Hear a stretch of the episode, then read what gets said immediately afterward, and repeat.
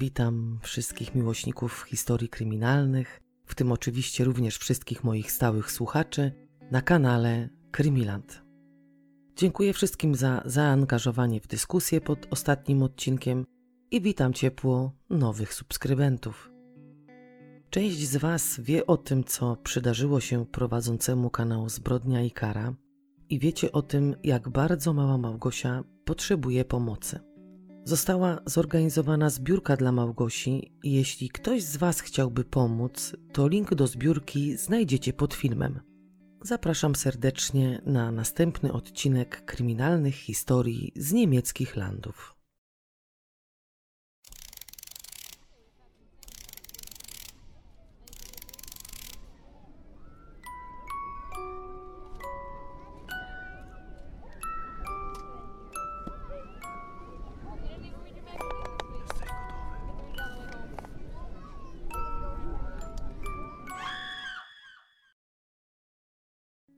Dziś wybierzemy się do bajkowego, przepełnionego baśniowym klimatem rejonu Siebengebirge, a po polsku Siedem Gór. Każdemu z nas ta nazwa kojarzy się z baśniami, bajkami, księżniczkami, rycerzami, ze złymi smokami, złymi macochami, jak i złymi czarownicami. Ta grupa gór położonych jedna za drugą składa się z ponad 50 szczytów i wzgórz ale nazwa Siedem Gór wzięła się z tego, że kiedy z oddali patrzymy na to pasmo, możemy odróżnić siedem głównych szczytów. Nie są to wysokie, strzelisto-kamieniste góry, ale to szczyty, które nie przekraczają 460 metrów nad poziomem morza. Jednym z najwyższych wzniesień jest Góra Oliwna, u stóp której, w odległości 700 metrów, leży wioska Ittenbach. Teraz jest to właściwie dzielnica miasta Königswinter. Być może powinnam rozpocząć dzisiejszą historię słowami nie tak dawno temu, nie tak znów daleko stąd, bo za siedmioma górami albo przed siedmioma górami. Wszystko zależy od tego oczywiście, z której strony przybędziemy i trochę więcej niż siedmioma lasami u podnóża Góry Oliwnej, wśród wielu innych miasteczek i wioseczek, położona jest mała wieś Ittenbach, licząca trochę ponad 3000 mieszkańców. Dzielnica jest dość znanym miejscem wypoczynkowym i turystycznym. Z tego właśnie powodu w Ittenbach można trafić na wiele restauracji i hotelików, które proponują wędrowcom nie tylko smaczny posiłek, ale również wygodne łóżko do spania. Mieszkańcy chętnie opowiadają legendy i historie z życia wzięte. O świętych, jak i o zwykłych ludziach, którzy stali się bohaterami. Słynny jest tam pastor Hambüchen, który pod koniec II wojny światowej stał z białą flagą przed wjazdem do wsi. Samostanie z białą flagą nie znaczy nic i nie jest jakimś tam bohaterskim czynem – ale jeśli zdamy sobie sprawę, że z jednej strony nadjeżdżali żołnierze armii amerykańskiej, a z drugiej uciekali żołnierze Wehrmachtu, i jeśli powiem Wam, że to była wówczas główna linia bojowa, to można już inaczej spojrzeć na ten heroiczny czyn pastora, który zrobił to dlatego, bo chciał ocalić mieszkańców wioski. Pastor przeżył, ale tak naprawdę ryzykował swoim życiem, bo uciekający żołnierze Wehrmachtu mogli zrobić z nim porządek ponieważ zagrażał ostatecznemu zwycięstwu, oczywiście w cudzysłowie. Wielu cywili wówczas straciło życie i również z powodów tych walk w Wittenbach znajduje się największy w nadrenii północnej Westfalii cmentarz wojskowy, na temat którego snute są również opowieści. Poległych żołnierzy przez kilka dni i kilka razy dziennie zwożono prawdopodobnie ciężarówkami, których grzebali mieszkańcy wsi. Mieszkańcy dzielnicy, jeśli tylko zapyta się ich o krzyż świętej Małgorzaty, której imieniem nazwano również przełęcz Siedmiu Gór, od razu mówią o sile młodej kobiety, która ówcześnie uratowała wieś przed zarazą i wojną trzydziestoletnią. Ten potężny krzyż, potężny nie z powodu wielkości, ale siły, z jaką walczy ze złem, został zbudowany właśnie w czasie trwania wojny trzydziestoletniej. Przez wielu stał na skraju lasu nieopodal wioski, ale kilka lat temu przeniesiono go do wsi. Co roku odbywa się tutaj jarmark dla dzieci. Wówczas na majowym drzewie wieszana jest szmaciana lalka w celu odpędzenia złych duchów. Oczywiście dziś mało kto wierzy w złe duchy, ale mieszkańcy wsi traktują to jako najzwyczajniejszą w świecie tradycję, kultywowaną od wieków. Nikt tutaj nie mówi, że wioseczka znajduje się za ani przed siedmioma górami. Wszyscy są przekonani, oczywiście z przymrużeniem oka, że dzielnica leży w środku świata. Malownicze widoki, piękne domki jednorodzinne usytuowane na wzgórzach kuszą sielankowym wyglądem i zachęcają do odwiedzenia idealnego świata. Ale czy ten idealny świat jest naprawdę taki wspaniały, na jaki wygląda? Wśród tych szczęśliwych mieszkańców, którzy myślą, że znają się bardzo dobrze, mieszka rodzina Paulus. Sigrid i Geat poznali się w 1988 roku. Świeżo poślubiony mąż miał dość dobrze płatną pracę w Düsseldorfie, ale z tego powodu, że Sigrid chciała wracać w swe rodzinne strony, czyli w okolice Bonn, rok po ślubie przeprowadzili się do Ittenbach i tam otworzyli swoją własną restaurację. Mężczyzna był z zawodu kelnerem, więc restauracja i do tego własna była najbardziej odpowiednim dla niego miejscem do pracy. Po drugie, kochał swój zawód i nie wyobrażał sobie, że mógłby pracować gdzie indziej. A przecież o to w życiu chodzi, żeby robić to, co się kocha. Do pracy daleko nie mieli, ponieważ wynajmowali dwupokojowe mieszkanko mieszczące się nad tą właśnie restauracją. Rok po przeprowadzce na świat przyszło ich pierwsze dziecko, syn Sebastian. Sigrid wówczas namówiła męża, żeby z dwupokojowego małego, niedrogiego mieszkanka przenieśli się do większego i droższego. Mieszkanie, o którym wówczas marzyła Sigrid, liczyło 180 m2 i miesięcznie kosztowało 2800 marek. Taka kwota za najem przy zarobkach 3,5 tysiąca to trochę dużo. Na życie zostawało 700 marek, z czego trzeba było opłacić dodatkowe koszty, bo cena najmu nie obejmowała prądu, zużycia wody, wywozu śmieci i wszystkich innych dodatkowych opłat. Trzeba było również spłacić kredyt, bo otwierając restaurację para zadłużyła się w banku, więc na to życie trzyosobowej już rodziny zostawało niewiele, a w każdy interes trzeba również cały czas wkładać pieniądze. Sigrid natomiast kupowała drogie meble, drogie sprzęty do nowego mieszkania, a jej mąż nie protestował, ponieważ chciał zapewnić swej żonie jak najlepsze warunki. Zawsze uważał, że jeśli jest zdrowy, to zarobi na życie, że będzie pracował ile się da i to życie będzie toczyło się niezakłóconym rytmem. Tak jak mówił, tak zrobił. Pracował po 15-16 godzin dziennie, a jego żona zajmowała się domem i wychowywała ich wspólnego syna. Stosunki w tej rodzinie, można rzec, były poprawne. Nie dochodziło tam do jakichś dramatów rodzinnych, być może trochę od czasu do czasu się kłócili, ale Geat należał do osób ugodowych. Zawsze starał się załagodzić konflikt, przytulał żonę, uspokajał i jakoś to życie się ciągnęło. Trzy lata po ślubie para przywitała na świecie drugie dziecko, córkę Krystynę. To był taki czas, kiedy restauracja już nie prosperowała tak dobrze jak na samym początku. Wraz z tymi problemami dotyczącymi restauracji w rodzinie zaczęły się również pojawiać problemy finansowe. W związku z tym, żeby załatać dziurę budżetową, która stawała się coraz większa i większa, para złożyła wniosek o następną pożyczkę do banku. Jednak tym razem bank odmówił im udzielenia kredytu, czyli chcieli zrobić to, co jest najgorszą z możliwych opcji, która prowadzi do pętli kredytowej i z której nie zawsze da się później wyjść. W tym związku stroną wymagającą i mającą postawę roszczeniową była Sigrid.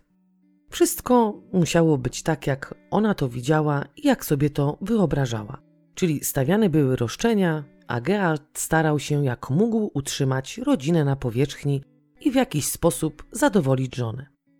Jednak nie szło mu to tak dobrze, jakby mogło się wydawać, a Sigrid między tymi wymaganiami i roszczeniami dokładała następne cegiełki, które zaczęły budować mur między państwem Paulus. Kobieta zarzucała mężowi, że własne dzieci ma w poważaniu, że nie poświęca im czasu, że ważną rolę w wychowaniu odgrywa również ojciec, a jego przy tych dzieciach nigdy nie było.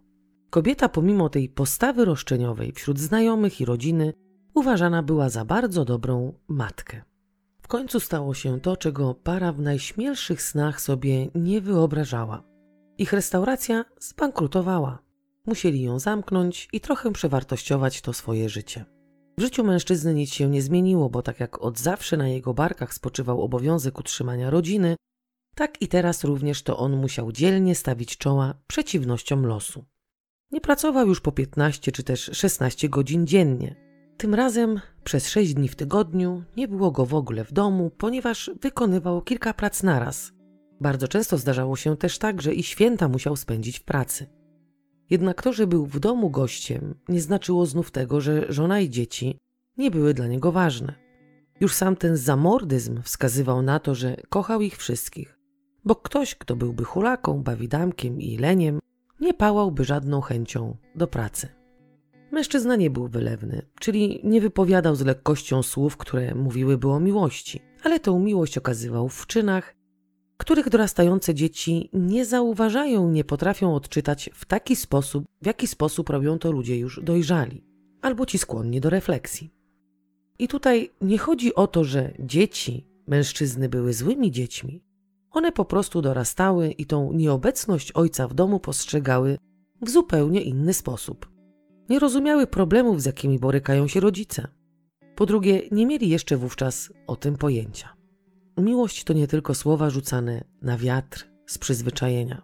Miłość to również czyny. W przypadku Gerda, jak już wspomniałam, z mówieniem kocham cię był problem. Ale to właśnie w tych czynach okazywał tą miłość. Zawsze wracając z nocnej zmiany, nie położył się od razu spać, tylko najpierw robił swym dzieciom śniadanie do szkoły. Dopiero później szedł odespać nocną zmianę. Zawsze starał się mieć choć jeden, jedyny dzień wolny, żeby móc poświęcić czas żonie i dzieciom. Kiedy dochodziło do kłótni, był tą stroną, która łagodziła emocje, przytulał, uspokajał i zapewniał, że nie pozwoli na to, żeby jego dzieci i żona żyły w ubóstwie. Ale dla wybranki jego serca ciągle było mało i mało. Mało pieniędzy mąż zarabiał, mało czasu mąż spędzał z dziećmi, mało mówił o uczuciach, mało się starał, mało, mało, mało i mało. Z czasem para z powodów finansowych musiała zmienić luksusowe lokum na trochę mniejsze. Nie przenieśli się do jakiegoś mieszkanka 80-metrowego czy też nawet 60-metrowego, którym z powodzeniem starczyłoby miejsca dla czteroosobowej rodziny. Oni natomiast wynajęli domek na obrzeżach wsi. Różnie się patrzy na domy do wynajęcia. Często ludzie właśnie wynajmują takie domki, bo nie chcą mieć przykładowo sąsiada za ścianą. Wolą go mieć oczywiście za płotem, jednak ceny domków do wynajęcia są różne. Wszystko zależy, czy dom jest w mieście, czy na wsi. Także taki nieduży dom do wynajęcia, do tego na obrzeżach wsi, może w rezultacie być tańszy niż 180-metrowe mieszkanie, ale znów droższy niż przykładowo takie 60-metrowe mieszkanko. Czyli wychodzi na to, że nikt tam z dorosłych jakoś nie poszedł po rozum do głowy i nie starali się w jakiś sposób ciąć kosztów ich życia ponad stan. Mężczyzna próbuje ponownie zainwestować we własny interes i otwiera mały bar przekąskowy. Jak nam wiadomo, do każdego interesu trzeba włożyć serce, czas, pieniądze, no i czekać, aż taka mała przykładowo firma zacznie przynosić zyski. W przypadku rodziny Paulus było odwrotnie. Zamiast dokładać do interesu, te pieniądze były z niego ciągle wyciągane. Sigrid wychowywała się w dość ubogiej rodzinie, więc do luksusu tęskniła. Kasa z nieba nie spada, nie rośnie na drzewach, a na markowe ciuchy dla dzieci, czy też drogie auto, które było bardziej ozdobą niż czymś praktycznym, trzeba mieć kasę, czyli trzeba zarobić. W tym przypadku jednak zarabiał tylko Gealt, a Sigrid te pieniądze wydawała. Wydawała i żądała, bo cały czas było jej mało, mało i mało. Dzieci musiały się nosić dobrze, najlepiej w markowych ciuchach. Wystrój domu miał być stylowy i na dość wysokim poziomie. A auto, jak już wspomniałam, nie powinno przynosić rodzinie wstydu. Nie zaskoczę Was, jak powiem, że bark przekąskowy, w którym pokładał nadzieję Geart, również splajtował. Czyli nic się nie zmieniło, a rodzina Paulus popadła w jeszcze większe długi. Z luksusu jest bardzo ciężko zrezygnować. Ciężko jest przejść z wysokiego pułapu na ten niższy, który nie pozwala optymistycznie patrzeć w przyszłość. Zawsze szybciej przyzwyczajamy się do tego dobrego, a nie do tego gorszego. Ale z każdej podbramkowej sytuacji jest masa wyjść. Tylko zawsze jest coś za coś. Może gdyby mężczyzna walnął pięścią w stół i krzyknął donośnie dość tego, może wówczas rodzina uniknęłaby tych powiększających się problemów. Znów tak jak zawsze, obowiązek utrzymania rodziny na powierzchni przypadł jemu. Starał się jak mógł, żeby móc opłacić raty, czynsz tego domu i zadowolić ciągle niezadowoloną z niego żonę. W końcu zaczął próbować swoich sił w fałszerstwach i oszustwach. I właśnie z tego powodu w latach od 2004 do 2007 trzykrotnie go skazano. Niestety nie wiem, czy siedział w więzieniu, czy też otrzymał tylko jakąś karę grzywny, bo znalazłam jedynie wzmiankę o tym, że był trzykrotnie skazany za oszustwa i fałszerstwa. Nie znalazłam również wzmianki na temat tego, czego dotyczyły te fałszerstwa. Co robi Sigrid? To co zwykle. Obraża męża, nazywa go nieudacznikiem życiowym, zrzuca na niego winę za wszystkie niepowodzenia finansowe. Pewnego dnia listonosz, na którego rodzina Paulus nie czekała z wielkim utęsknieniem, przyniósł ponaglenia dotyczące niezapłaconych rachunków za prąd, wywóz śmieci, jak i zawiadomienie z banku o wypowiedzenie umowy kredytowej. Czyli mówiąc krótko, bank zażądał natychmiastowej spłaty całego kredytu. Suma wynosiła 80 tysięcy euro. Gerard na zewnątrz nie okazywał uczuć. Uczuć związanych z problemami, jakie działy się w jego rodzinie. Może się wstydził, a może nie miał obok siebie nikogo, komu mógłby bezgranicznie zaufać i zwierzyć się jak kumpel kumplowi przy piwie z tego, co dzieje się w jego rodzinie. Zawsze uśmiechnięty i miły. Kto by pomyślał, że taki człowiek boryka się z aż takimi problemami? Że w domu czeka na niego ciągle niezadowolona żona, która już teraz, nawet w obecności dzieci, wyrzuca mu głośno brak zaradności, męskości, jak i zaczyna grozić rozwodem. Nie jeden z was, mężczyzn, słuchających tej historii, myśli, wziąłbym babę z prału, wywalił do roboty, żeby również miała jakiś tam wkład w dofinansowanie swoich potrzeb. Ale bohater dzisiejszego odcinka kocha swoją żonę i nie chce, żeby zabrała dzieci i odeszła. Nie chciał, żeby rodzina się po prostu rozpadła.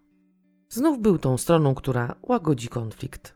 Przytulił, uspokoił i robił to przede wszystkim dla dzieci, które były świadkami tych monologów matki.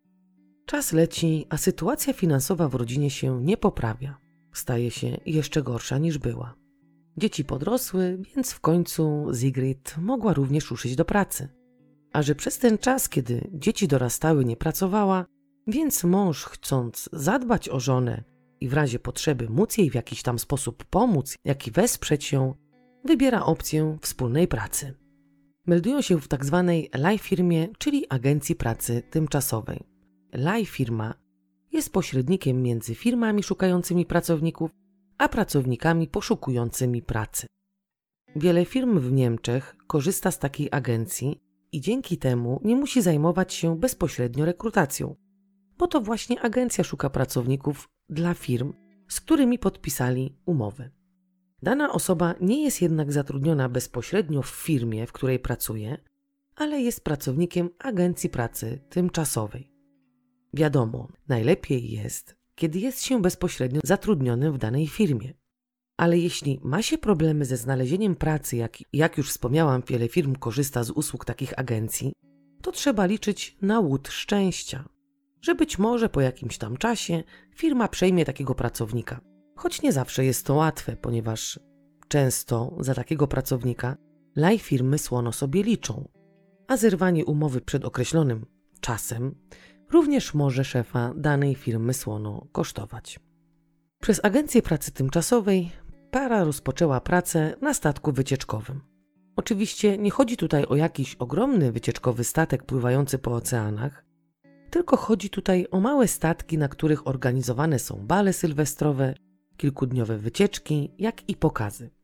W przypadku małżonków Chodziło o obsługę gości w, res- w restauracji mieszczącej się na jednym z takich statków, na których atrakcją dla gości były kryminalne kolacje. Takie kryminalne kolacje są oczywiście ogromną atrakcją dla ludzi kochających kryminały. Podczas tego posiłku goście zostają wprowadzeni w zasady gry. Po tych wprowadzeniach następuje przedstawienie historii.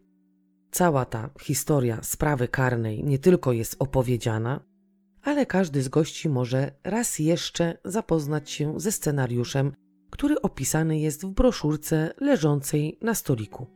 Wśród gości oczywiście jest sprawca, a zadaniem konsumujących, którzy za ten obiad zapłacili, jest to, żeby go, tego sprawcę, znaleźć.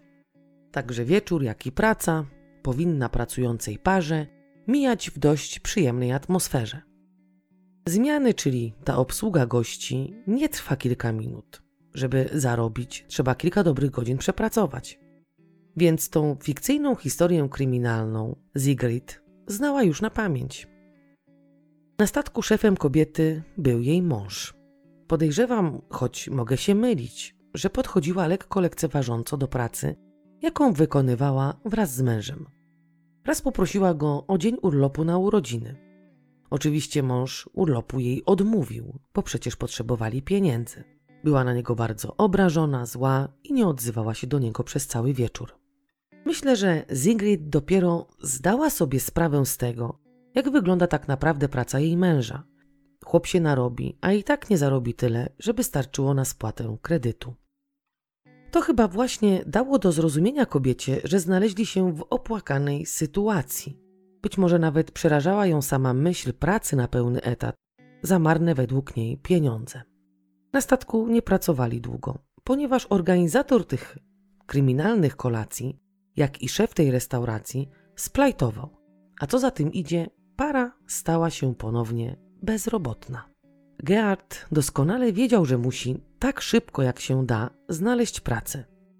Czuł się winny, bo jego żona ciągle zarzucała mu, że te długi, a prawdę mówiąc to, że ona, że one ciągle rosną, to była jego wina. Bo gdyby znalazł normalną, dobrze płatną pracę, na normalne zmiany, to pewnie już dawno byłoby po długach. A ona miałaby wówczas czas dla dzieci, bo z dziećmi przez te lata siedziała tylko ona.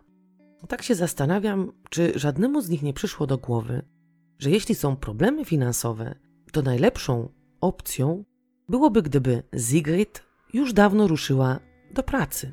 W parze zawsze łatwiej, a jeśli jedna strona czuje wsparcie drugiej strony, to nawet w przejściowej biedzie można to życie pociągnąć dalej. Jednak w tym przypadku, jak i wielu innych, od strony emocjonalnej to małżeństwo zwyczajnie już dawno przestało istnieć. Nadeszły walentynki 2008 roku.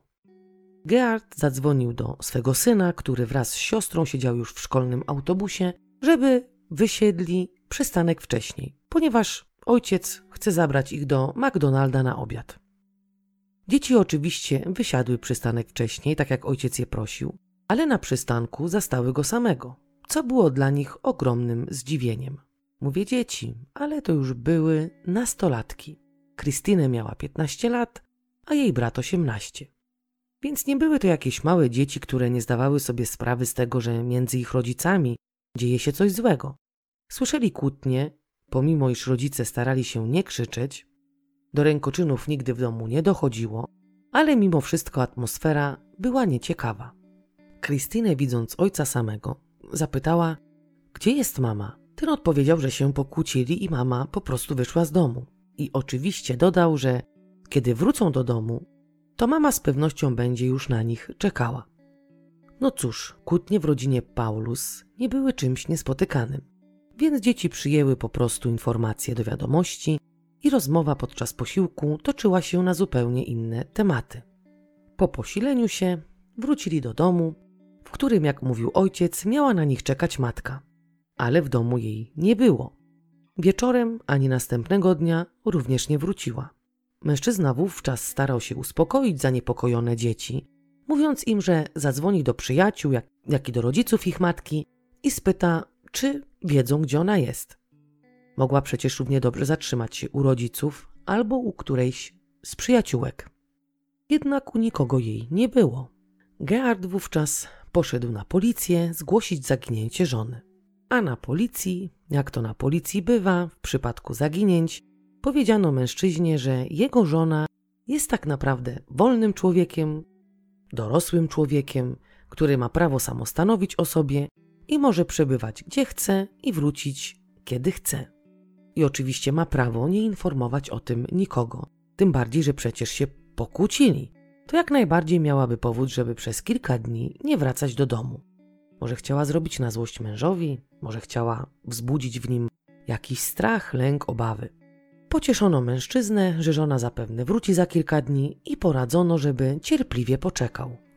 Pięć dni po zgłoszeniu zaginięcia ojciec informuje dzieci, że kiedy te były na zajęciach szkolnych, pod dom podjechał samochód dostawczy, w którym była ich matka i dwóch mężczyzn.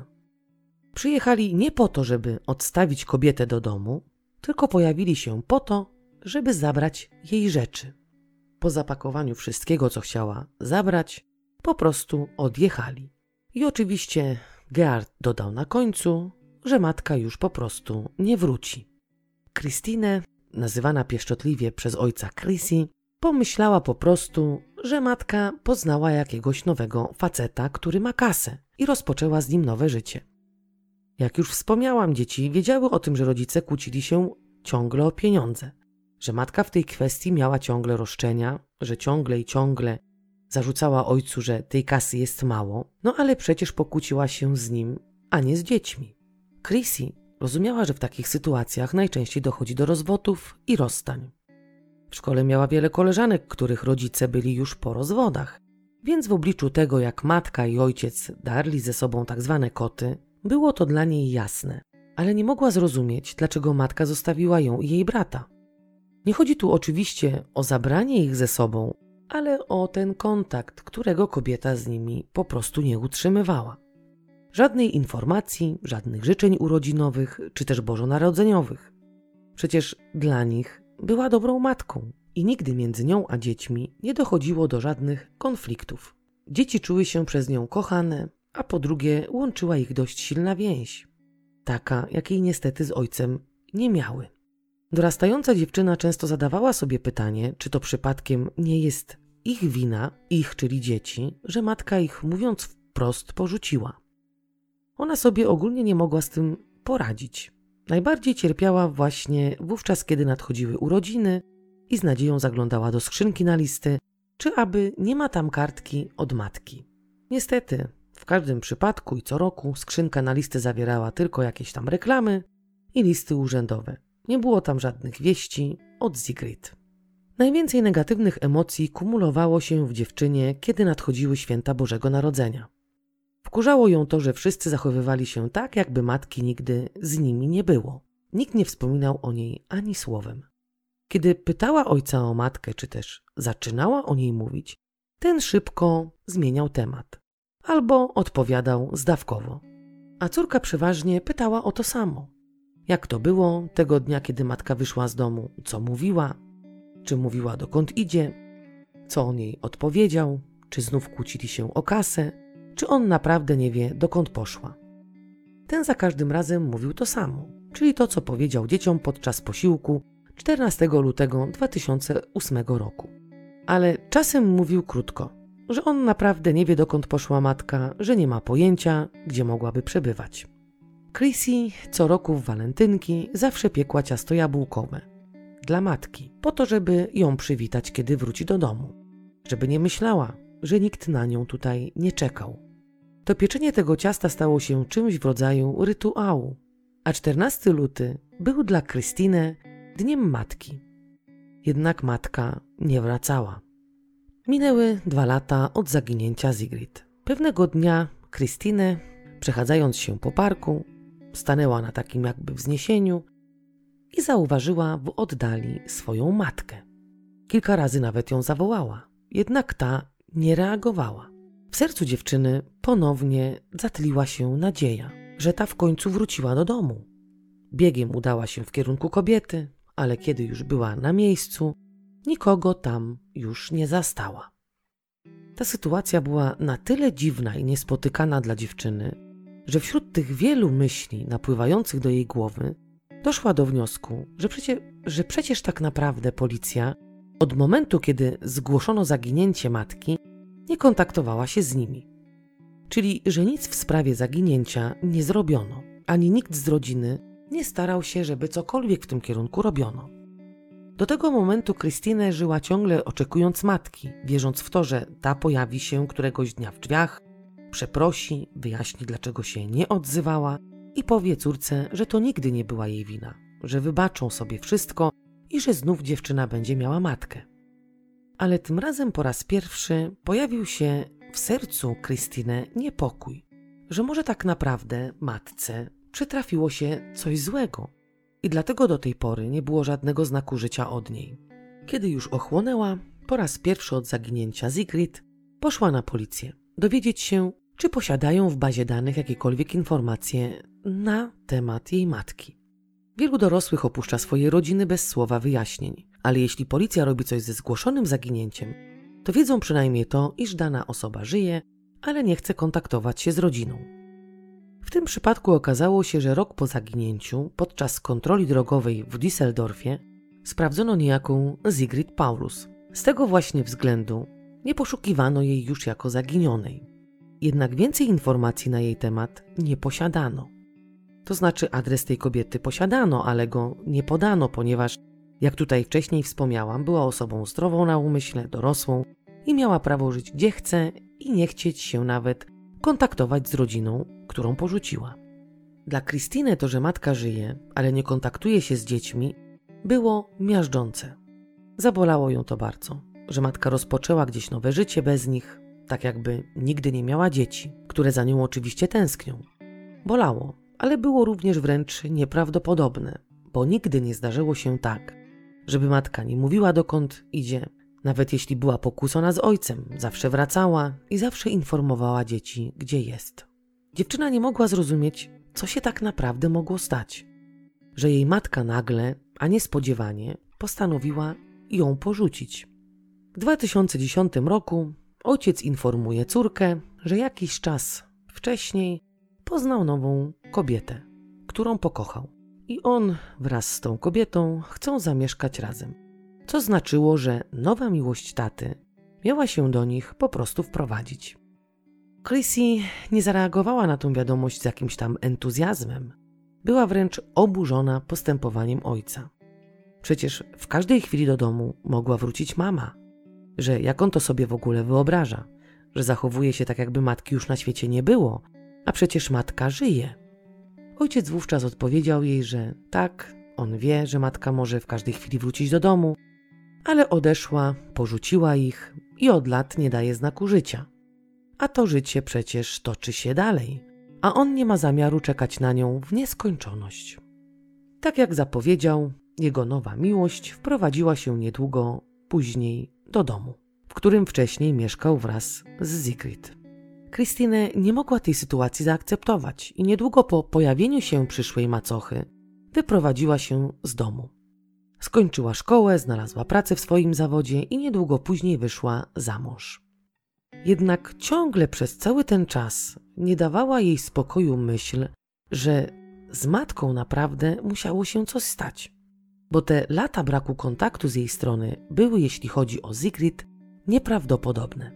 To, że nie mogła się dogadać z ojcem, to, że miała wobec niego ciągle postawę roszczeniową, nie znaczyło, że była taka sama w stosunku do dzieci. Dla nich była dobrą matką i przyjaciółką. Krystynę czuła się kochana przez nią i nigdy z jej strony nie spotkała ją krzywda. Dlatego według młodej kobiety brak kontaktu ze strony matki, a już brak jakiegokolwiek dania znaku życia w dniu jej ślubu oznaczało tylko jedno: że matce na 100% stało się coś złego. Ta myśl nie dawała jej po prostu spokoju. Zadzwoniła do ojca i mówi mu, że chce skontaktować się z telewizją RTL, a konkretnie chce nawiązać kontakt z prowadzącym program Sprawa Nierozwiązana XY i czy ojciec ją wesprze. Ten nie oponuje, a wręcz zachęca córkę, mówiąc jej, że ją jak najbardziej oczywiście wesprze i że również w tych poszukiwaniach będzie brał udział. Dzięki temu uporowi córki zaginionej z końcem 2012 roku policja z tego powodu, że sprawą zaginięcia zainteresowały się media, postanawia zacząć tak na poważnie szukać zaginionej od 2008 roku kobiety.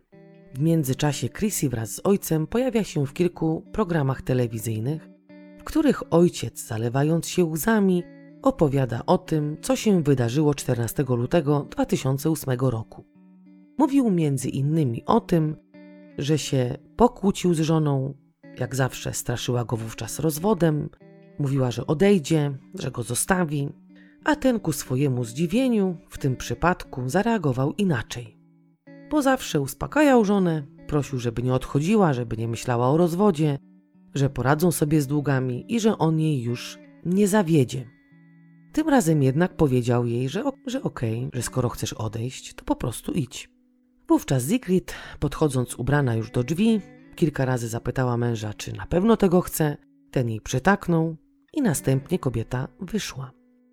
Nie omieszkał również zaznaczyć, że został poinformowany przez policję, że mają go na oku, że jest po prostu podejrzanym. Ale jeśli ma czyste sumienie, to policjanci powiedzieli mu, że może spać spokojnie. Rok później ojciec dostaje rozwód i w 2013 roku poślubia swą nową oblubienicę. Niedługo po ślubie ojca, Christine po raz pierwszy kontaktuje się ze śledczymi z Wydziału Zabójstw. Tam po przedstawieniu sprawy i zobrazowaniu podejrzeń, dlaczego dziewczyna sądzi, że jej matka została pozbawiona życia, śledczy po wysłuchaniu mówią jej, że w takich sytuacjach w kręgu podejrzanych znajduje się ktoś z bliskich, a jej ojciec jest już przecież podejrzanym, bo to on widział ją po raz ostatni żywą. Na te wieści dwudziestoletnia już Krystynę reaguje zaprzeczeniem, że przecież zna swojego ojca, że jest pewna, iż on nie zrobił nic złego matce, że przez te lata nigdy jej nie uderzył, nigdy nie krzyczał, zawsze łagodził kłótnie, że to matka była tą stroną atakującą, a nie ojciec, że on w ogóle nie skrzywdziłby nawet muchy.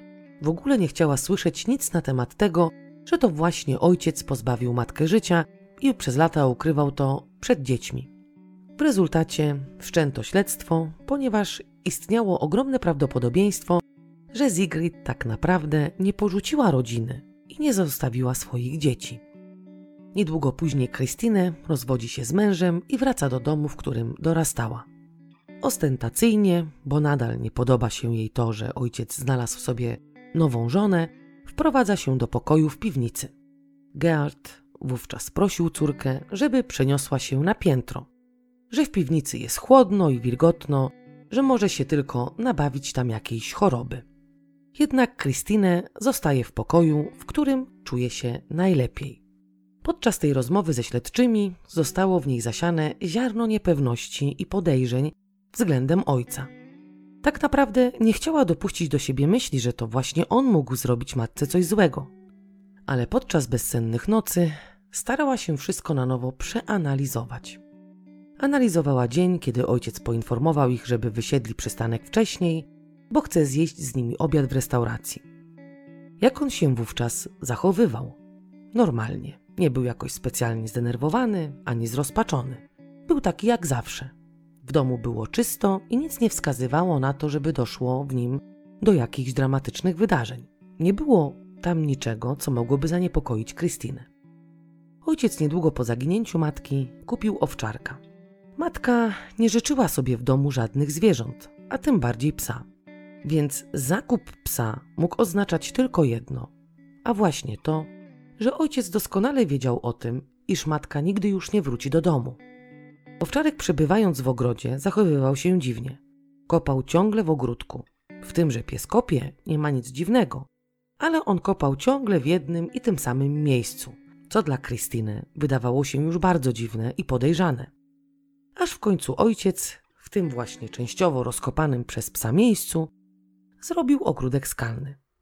Co było jeszcze dziwniejsze, bo mężczyzna nigdy nie przejawiał żadnej chęci do pracy w ogrodzie, ani w ogóle się tym ogrodem nie interesował, a tu nagle zaczął bawić się w ogrodnika.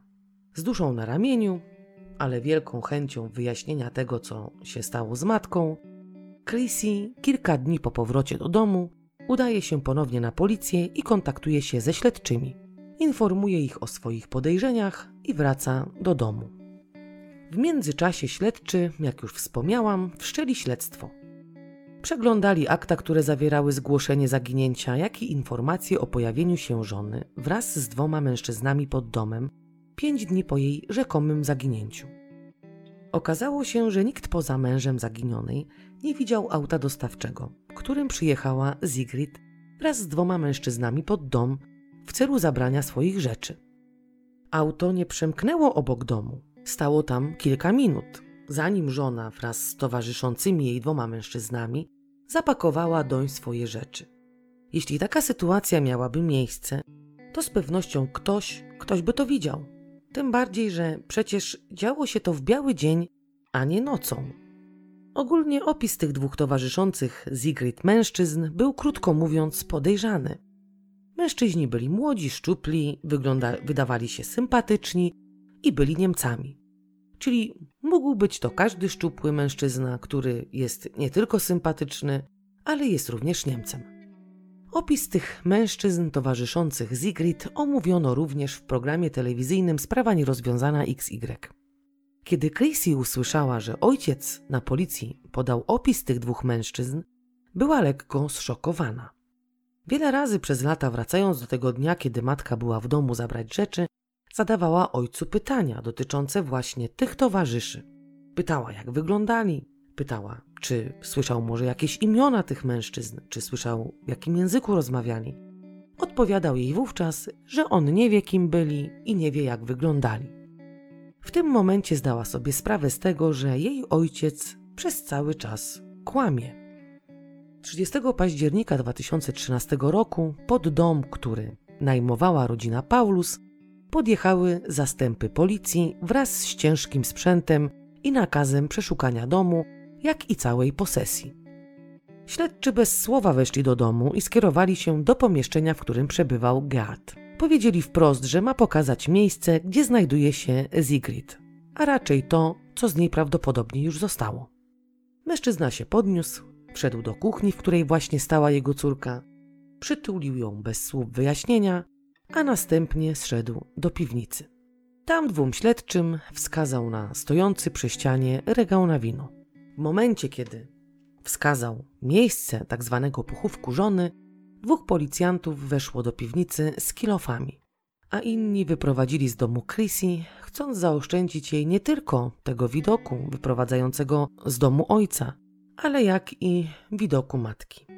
Po kilku godzinach zadzwoniono do niej, informując ją o tym, że jej matka nie żyje, a sprawcą jest jej ojciec. Dla młodej kobiety, która od jakiegoś czasu podejrzewała, że jej ojciec mógł coś złego zrobić matce, Mimo wszystko cała ta sytuacja była nieprawdopodobna. Przez te lata nieobecności matki bardzo się zżyła ze swoim tatą. Był dobrym człowiekiem, łagodnym, spokojnym, kimś, kto nigdy się nie denerwował, nigdy nie podnosił głosu, nigdy nie nadużywał alkoholu, nie był jakimś tam tyranem czy despotą, nie stosował również żadnej przemocy psychicznej. Był kimś, na kogo zawsze mogła liczyć. Przypomniała sobie wówczas, jak kilka lat wstecz siostra matki na jednym z rodzinnych przyjęć krzyknęła ojcu, że to on pozbawił życia jej siostrę i zakopał ją w ogrodzie.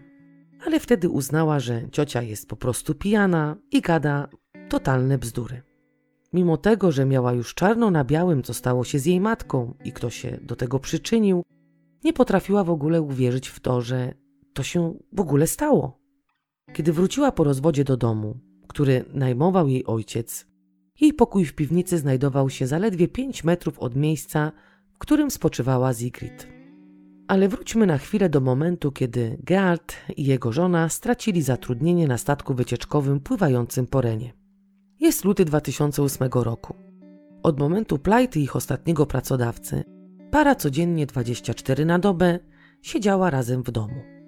Czekali innymi na ostatnie wypłaty, a to, co zostało im z poprzedniej, miało starczyć im zaledwie na kilka dni. Nie rozmawiali ze sobą, nie wspierali się, ale zamiast tego kłócili się codziennie. Jak już wspomniałam, Gerd wiedział i zdawał sobie sprawę, że musi najszybciej jak się da znaleźć pracę. Ale była zima i o pracę o tej porze roku w gastronomii było ciężko. Żona zarzucała mu, że uczepił się tej gastronomii i tego kelnerowania jak rzep psiego ogona, że przecież jest masa innych firm, w których mógłby pracować i dobrze zarabiać. I przede wszystkim byliby pewni, że przez dłuższy czas będzie zatrudniony, a firma nie padnie. 14 lutego 2008 roku mężczyzna wstaje o 6 rano, żeby przygotować dzieciom śniadanie. Po przygotowaniu posiłku, jak i kanapek do szkoły, wraca do sypialni, kładzie się obok żony i zasypia. Para budzi się około godziny dziewiątej i wspólnie udają się do łazienki. Nad nimi od dawna wiszą już czarne chmury.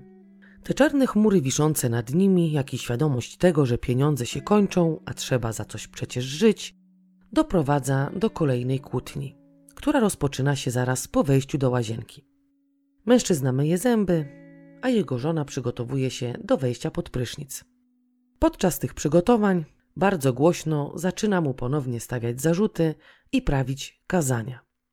Jak zwykle prowadzi monolog, krzyczy, że jej mąż jest nieudacznikiem, że nigdy nie potrafił stanąć na wysokości zadania, żeby wyżywić rodzinę. Co tam wyżywić? On nigdy nie potrafił zapewnić rodzinie godnych warunków do życia. Znów wspomina o tym uczepieniu się zawodu kelnera, jakby nie mógł się przekwalifikować i poszukać pracy na jakiejś produkcji, i oczywiście ponownie straszy go rozwodem i odebraniem dzieci. Mimo to, że dzieci przecież były już duże i mogły same zdecydować, z kim chcą żyć z tatą czy z mamą. Mężczyzna, jak zawsze, milczy, spokojnie, dalej bez żadnej reakcji, myje zęby. Kiedy Zigrid wyszła spod prysznica, rozpoczęła się dalsza część monologu. Zadała mężowi pytanie, na które nie odpowiedział natychmiast. Ta cisza, jak i brak odpowiedzi doprowadzał ją do szału.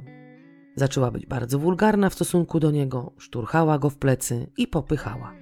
Była coraz głośniejsza. Naprzemiennie ryczała na niego i go szturchała albo popychała, a on jak zwykle milczący stał odwrócony do niej plecami. Jednak ponownie i któreś z kolei szturchnięcie spowodowało, że w głowie mężczyzny zawór bezpieczeństwa przestał po prostu funkcjonować. Chciał, żeby była cicho, żeby się w końcu zamknęła, żeby nie powtarzała ciągle i ciągle tego samego. Nie chciał jej już po prostu słuchać.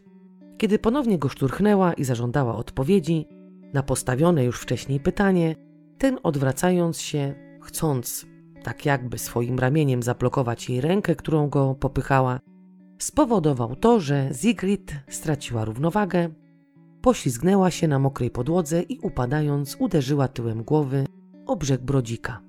Po czym totalnie wściekła, z takim jakby, w takim jakby napadzie szału, momentalnie podskoczyła wrzeszcząc ze złości jak i bólu, bo z jej głowy sączyła się dość obfita stróżka i zaczęła szarpać dość mocno męża za ramię. Później, kiedy się ocknął, uświadomił sobie, że zaciska obie dłonie na szyi leżącej na podłodze żony, która już nie daje żadnego znaku życia. Nie pamięta, co się stało, nie pamięta, w którym momencie chwycił żonę za szyję, ale pamięta natomiast to, że chciał, żeby się w końcu zamknęła i dała mu spokój. Sprawdził jej puls i wówczas zdał sobie sprawę z tego, że pozbawił swoją żonę życia. Wyszedł z łazienki i zastanawiał się, co zrobić. Po upływie 30 minut zaniósł żonę do piwnicy, tam owinął ją w niebieską plandekę i wsadził do bagażnika rodzinnego auta. Następnie zadzwonił do syna i powiedział spokojnie, że muszą porozmawiać, więc niech wraz z siostrą wysiądą przystanek wcześniej i wspólnie pojadą do McDonalda w celu skonsumowania wspólnie posiłku. Dzieci wysiadły tak jak ojciec chciał i wspólnie autem, w bagażniku którego leżała pozbawiona życia ich matka, pojechali coś zjeść. Następnego dnia, kiedy dzieci były w szkole, zszedł do piwnicy, rozrobił beton i przystąpił do budowania regału przeznaczonego do przechowywania wina. Wspólnie z żoną lubili od czasu do czasu wypić dobre wino i od jakiegoś czasu myśleli o tym, żeby właśnie w piwnicy postawić taki regał. Sigrid wybrała miejsce, gdzie owa półka miała stać, a Geart kupił potrzebne do zbudowania takiego regału rzeczy. Najpierw przygotował taką jakby podstawę do tego regału, w której to właśnie zabetonował ciało żony. Na rozprawach sądowych dzieci po raz pierwszy usłyszały, co, co tak naprawdę wydarzyło się 14 lutego 2008 roku. Sebastian wraz z siostrami matki siedział na sali rozpraw naprzeciwko swego ojca. Chrissy natomiast siedziała kilka rzędów dalej. Podczas trwania rozprawy wiele spraw wyszło na światło dzienne. A mianowicie to, że swoją obecną żonę Gerard poznał trzy miesiące po zaginięciu żony, a nie kilka lat później. Sąd dowiedział się również o tym, że Sebastian został przez ojca wyrzucony z domu pod koniec 2008 roku. Oskarżony tłumaczył to tym, że jego dorosły już syn za dużo imprezował i nie zamierzał ruszyć do pracy, a tym samym przeszkadzał w nauce piętnastoletniej siostrze. Ale Sebastian widzi to inaczej. Zadawał dużo pytań, niewygodnych dla ojca. Po drugie, dorosły już mężczyzna wspomina, jak krótko przed zaginięciem matka rozmawiała z nim w pralni o tym, żeby nic nie podpisywał na życzenie ojca. Tu chodziło po prostu o ubezpieczenie na życie, którego beneficjentem był właśnie Sebastian. Mężczyzna nie miał pojęcia, że rodzice mają aż tak ogromne problemy finansowe. Oczywiście wiedział, że rodzice ciągle się kłócą o pieniądze, ale ani matka, ani ojciec nie rozmawiali z nim na ten temat. Wspomina również, że kiedy siostra zamieszkała w pokoju w piwnicy i urządziła sobie tam pokój, okazało się, że nie mogła przespać w piwnicy całej nocy. Co noc przesypiała tylko trzy godziny. Oskarżony przed zaginięciem żony, w piwnicy coś tam murował, zamurowywał, więc syn podejrzewa teraz, że całą tą zbrodnię mógł po prostu już wcześniej planować. I tak jakby ćwiczyć sobie w piwnicy murowanie. Sam oskarżony podczas rozprawy zalewał się łzami i przepraszał swoje dzieci za to, co im zrobił. Prokurator jednak nie wierzył w tak zwane zaćmienie umysłu i czyn popełniony w afekcie, ponieważ od momentu zaciśnięcia Zigrid dłoni na szyi do momentu, kiedy zmarła, minęły trzy minuty. Możemy powiedzieć, że takie trzy minuty to przecież krótki czas, ale z drugiej strony jest to dość długo na to, żeby się w pewnym momencie opamiętać i ten uścisk po prostu puścić. Jednak mężczyzna tak mocno uściskał, że krtań jego żony została najzwyczajniej w świecie zmiażdżona. Nie uznano tego czynu za czyn popełniony w afekcie. Ale jak to nazwano, uznano to za spontaniczne działanie. I w marcu 2014 roku ogłoszono werdykt. Gerard został skazany na 8 lat pozbawienia wolności. Dramat tej rodziny rozpoczął się już dawno i trwa nadal. Krystynę po aresztowaniu ojca sama musiała uporać się z pochówkiem matki. Nie miała na ten cel wystarczających funduszy, więc część w formie pomocy dostała od organizacji Biały Pierścień, a resztę otrzymała od ludzi jako datki. Kobieta praktycznie zaraz po aresztowaniu ojca otrzymała pomoc w tak zwanym pogotowiu duchowym. Ale mimo wszystko ten dramat i być może nawet stygmatyzowanie jej jako córki przestępcy będzie się ciągnął za nią do końca życia. Syn natomiast nie chce mieć z ojcem nic wspólnego. Ten człowiek przestał dla niego istnieć. Jednak Chrissy ten kontakt z nim utrzymuje. Chce jak najwięcej wiedzieć o swojej matce. Jaki był jej ulubiony kolor, jakiej lubiła słuchać muzyki, co jej smakowało, jakie miała marzenia. Ojciec listownie odpowiada na wszystkie pytania córki. W jednym z listów Chrissy napisała: Jestem teraz sierotą. Tato, dlaczego to zrobiłeś? Ojciec nie potrafił odpowiedzieć córce na to pytanie, jednak bardzo ją za to, co uczynił, przeprasza. Chrissy nie wierzy również w to, że ojciec popełnił ten czyn, jak to nazwano w sądzie, spontanicznie, bo afekt z powodu tych trzech minut wykluczono. Ona uważa, a nawet podejrzewa, że ojciec mógł to planować, że doskonale wiedział, co robi. Na forach internetowych mówiących o tej sprawie, większość komentujących nie usprawiedliwia skazanego na 8 lat sprawcę. Uważają go wręcz za winnego i mówią o tym, że powinien dostać najwyższy z możliwych wyroków. Ludzie nie są w stanie sobie wyobrazić, jak można żyć z zabetonowaną byłą żoną w piwnicy, układać sobie życie z drugą kobietą, oszukiwać dzieci i prowadzić z pozoru normalne życie. On po prostu stworzył taką budowlę kłamstw, których się trzymał, z którymi żył i być może nawet wyparł to, co zrobił. A wy, co myślicie o tej sprawie? Dajcie koniecznie znać w komentarzach. Życzę Wam wszystkiego dobrego i do usłyszenia wkrótce.